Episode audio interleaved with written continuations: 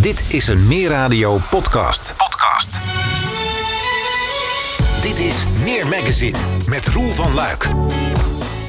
Met de komst van het nieuwe college zijn uh, VVD'ers Jurgen Nobel en Marja Ruigrok opnieuw benoemd tot wethouders. Hun zetels in de raad zijn dus vrijgekomen en beschikbaar gesteld aan twee nieuwe, of de twee volgende op de kieslijst van de VVD. En zodoende is afgelopen week mevrouw Asja Mees geïnstalleerd als nieuwe raadslid en ze is bij ons aangeschoven in de studio.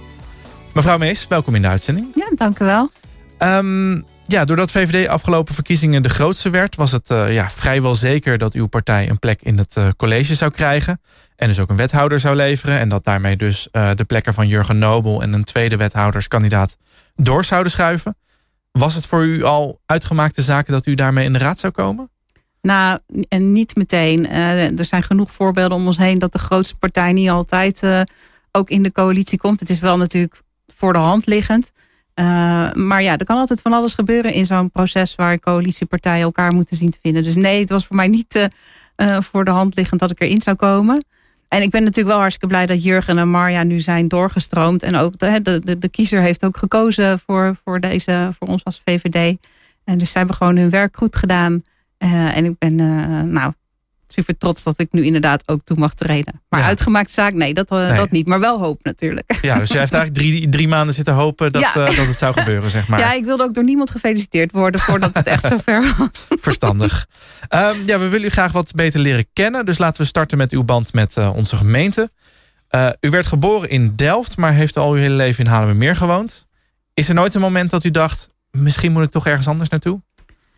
Uh, nee, niet direct. Ook niet uh, in mijn in mijn studietijd. Hè. Ik heb gestudeerd in Amsterdam. Dat is natuurlijk eigenlijk het moment dat je je ouderlijk nest verlaat en uh, naar steden toe gaat. Maar nou ja, ook in die tijd, mijn tijd was de jaren negentig, was het ook niet zo makkelijk om een huis te vinden in de stad. En in, in Hoofddorp waren die faciliteiten wel.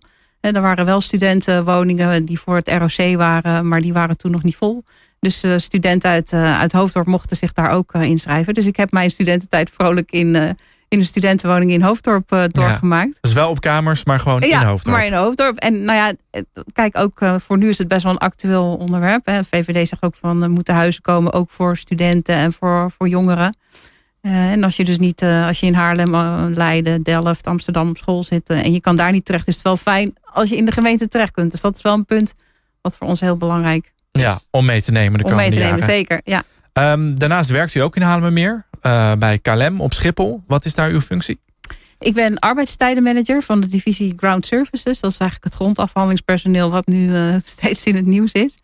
En uh, het houdt in dat ik een, ja, een soort van strategisch medewerker ben. En waarbij we een balans zoeken tussen productiviteit van mensen, maar ook hun welzijn. En dat doen we dan langs de regels van de CEO. Maar het is uh, een spannende job op dit moment. Dat kan ik me heel goed voorstellen, ja.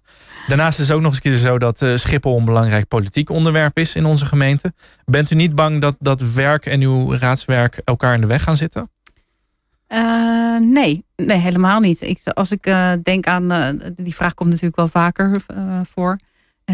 ik denk dat Schiphol en, en Haarmeer heel erg met elkaar verweven zijn. ook de bakker waar je komt, dat zijn de mensen die op Schiphol werken, die daar een broodje kopen. Dus de band tussen Haarlemmeer en Schiphol is, is, uh, is enorm. Um, en daarnaast, als je iedereen die in de raad zit, heeft ook nog een maatschappelijke carrière daarnaast. En er is gewoon een hele strikte afspraak dat je niet meestemt met onderwerpen die je direct de baan raken. Dus komen er onderwerpen voorbij waar, waar er een schijn van belangenverstrengeling zou kunnen zijn. Ja dan uh, stem ik gewoon niet mee. Ja, u heeft nu wel een functie die dus uh, in het nieuws is, of in elk geval waar u zich mee bezighoudt in uw werk. Ja. Denkt u dat dat soort stemmingen er ook gaan komen de komende periode? Uh, nee, want op zich is de, de rol van Haarlemmermeer, van de gemeente ten opzichte van, van Schiphol niet op, op die onderwerpen gespitst. Hè. Dus het gaat, niet, het gaat wel over veiligheid. Daar mag de burgemeester wat, wat van vinden. Maar uh, ik denk niet dat er echt onderwerpen ja. over personeelstekort, dat dat op de agenda van, uh, van de gemeente Ja, dat is echt een interne kwestie voor Schiphol. Ja. ja. Um, u heeft dus al heel wat jaren in, in Haarlemmermeer gewoond, of eigenlijk uw hele leven en ook gewerkt. Wat was de reden om juist nu dan de politiek in, de, in te gaan? Nee, ik ben altijd wel maatschappelijk betrokken. Dus uh, ik ben klein begonnen, gewoon in de oude raad op de basisschool. Uh, MR, GMR gedaan, et cetera. En nou nu wilde ik wel de stap zetten naar iets uh, groters. En mijn kinderen zijn uh, ondertussen al lang uit de leiders. dus er is meer tijd voor. tegelijkertijd heb ik me bij KLM altijd ingezet voor medezeggenschapswerk. En eigenlijk is dat een beetje vergelijkbaar met wat we hier nu doen in de gemeenteraad. Je, je, je beleid, je komt op voor de belangen van de medewerkers. En dat heb ik daar voor mijn collega's gedaan. En nu vind ik dat het tijd is om dat op een ander vlak te doen. En dus voor mijn medebewoners in de gemeente. Ja, Opvallend detail is dat uw echtgenoot Mark Mees ook in de raad gezeten heeft van 2010 tot 2014. Uh, eh, ook voor de VVD. Eh, ja, heeft u daar ook een beetje die politieke interesse vandaan gehaald? Of was die er daarvoor ook al wel? Nou, die was er daarvoor ook wel. Ik keek vroeger braaf met mijn ouders naar het journaal. En dan bespraken we ook alle onderwerpen die daar langskwamen. En ook eh, de lokale krantjes spraken we met elkaar door als gezin. Maar natuurlijk eh, heeft de rol van Mark daar ook in meegeholpen. En die heeft uh, ervoor gezorgd dat ik het van dichtbij kon zien.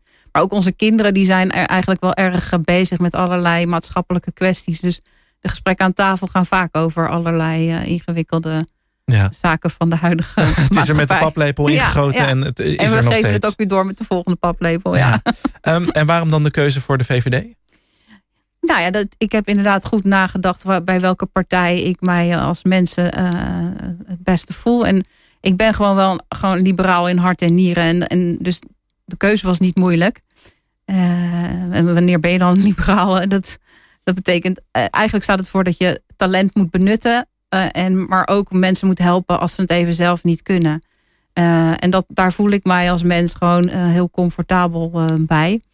Er wordt wel eens over de VVD gezegd van VVD is eh, de partij voor ondernemers. Ja, is er ook voor ondernemers, maar dat is niet het enige aspect waar de VVD voor staat. Het gaat toch echt ook om, nou ja, met realistisch beeld op de maatschappij kijken hoe je dingen goed neer kan zetten.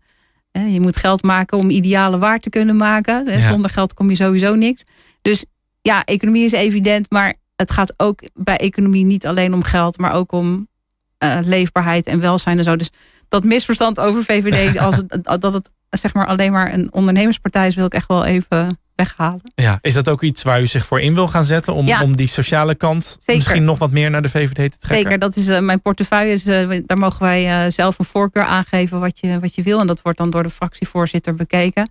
En ik ben inderdaad in, ingezet op sociaal domein, werk en inkomen, jeugd, onderwijs. Dat zijn echt de punten die ik heel erg fijn vind om, om me daarmee bezig te houden. Ja, daar gaan we zo meteen nog iets verder op door. Ik was eerst nog benieuwd. U bent gelijk op plek 10 terechtgekomen. Nou, een plek waarvan we nu merken een verkiesbare plek. Ja. Heeft u een idee hoe dat gekomen is? Dat u vanuit ja, niet in één keer op een, uh, een dergelijke plek gekomen bent, gekomen bent? Ja, nou, nou ja, sowieso fijn eh, dat ik dan nog even weer de selectiecommissie kan bedanken voor het vertrouwen wat ze in me hebben gesteld. Want ik heb natuurlijk geen uh, ervaring op, op dit gebied in de, in de politiek.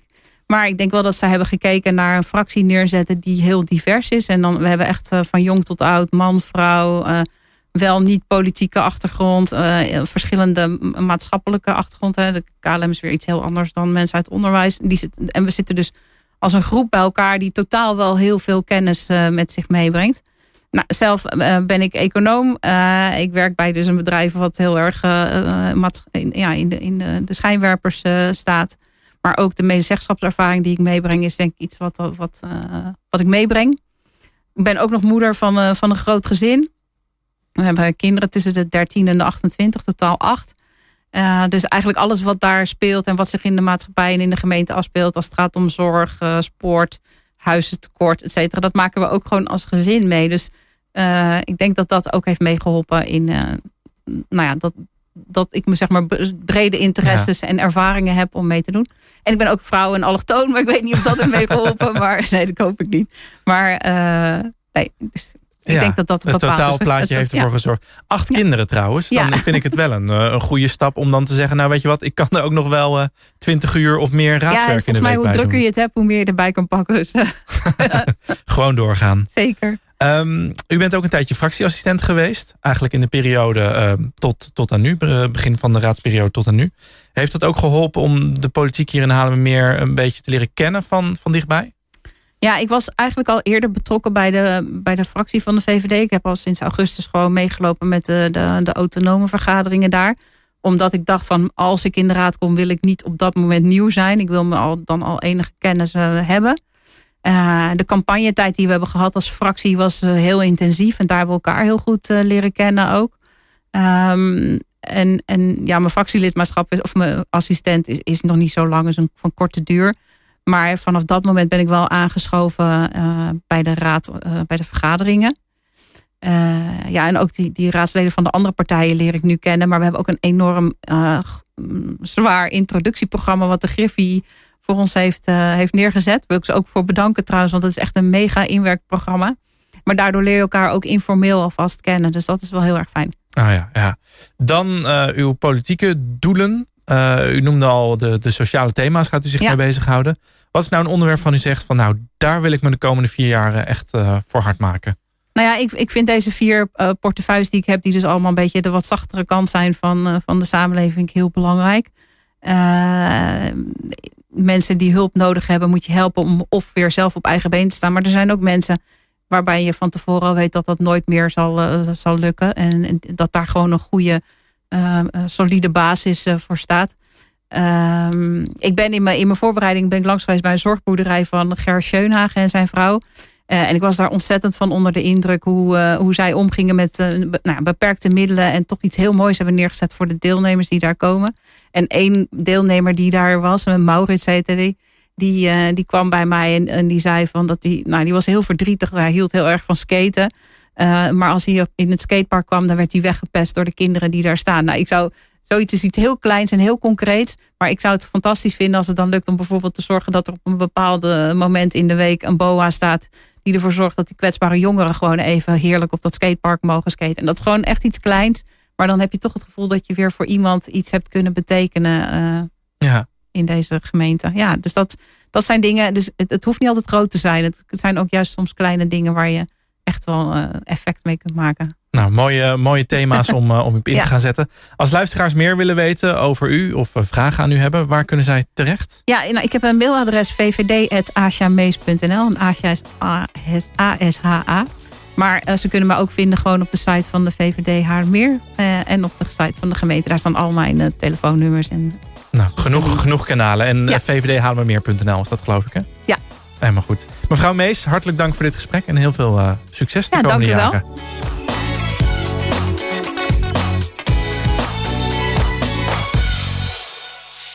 Meer magazine, meer radio, Haarlemmermeer.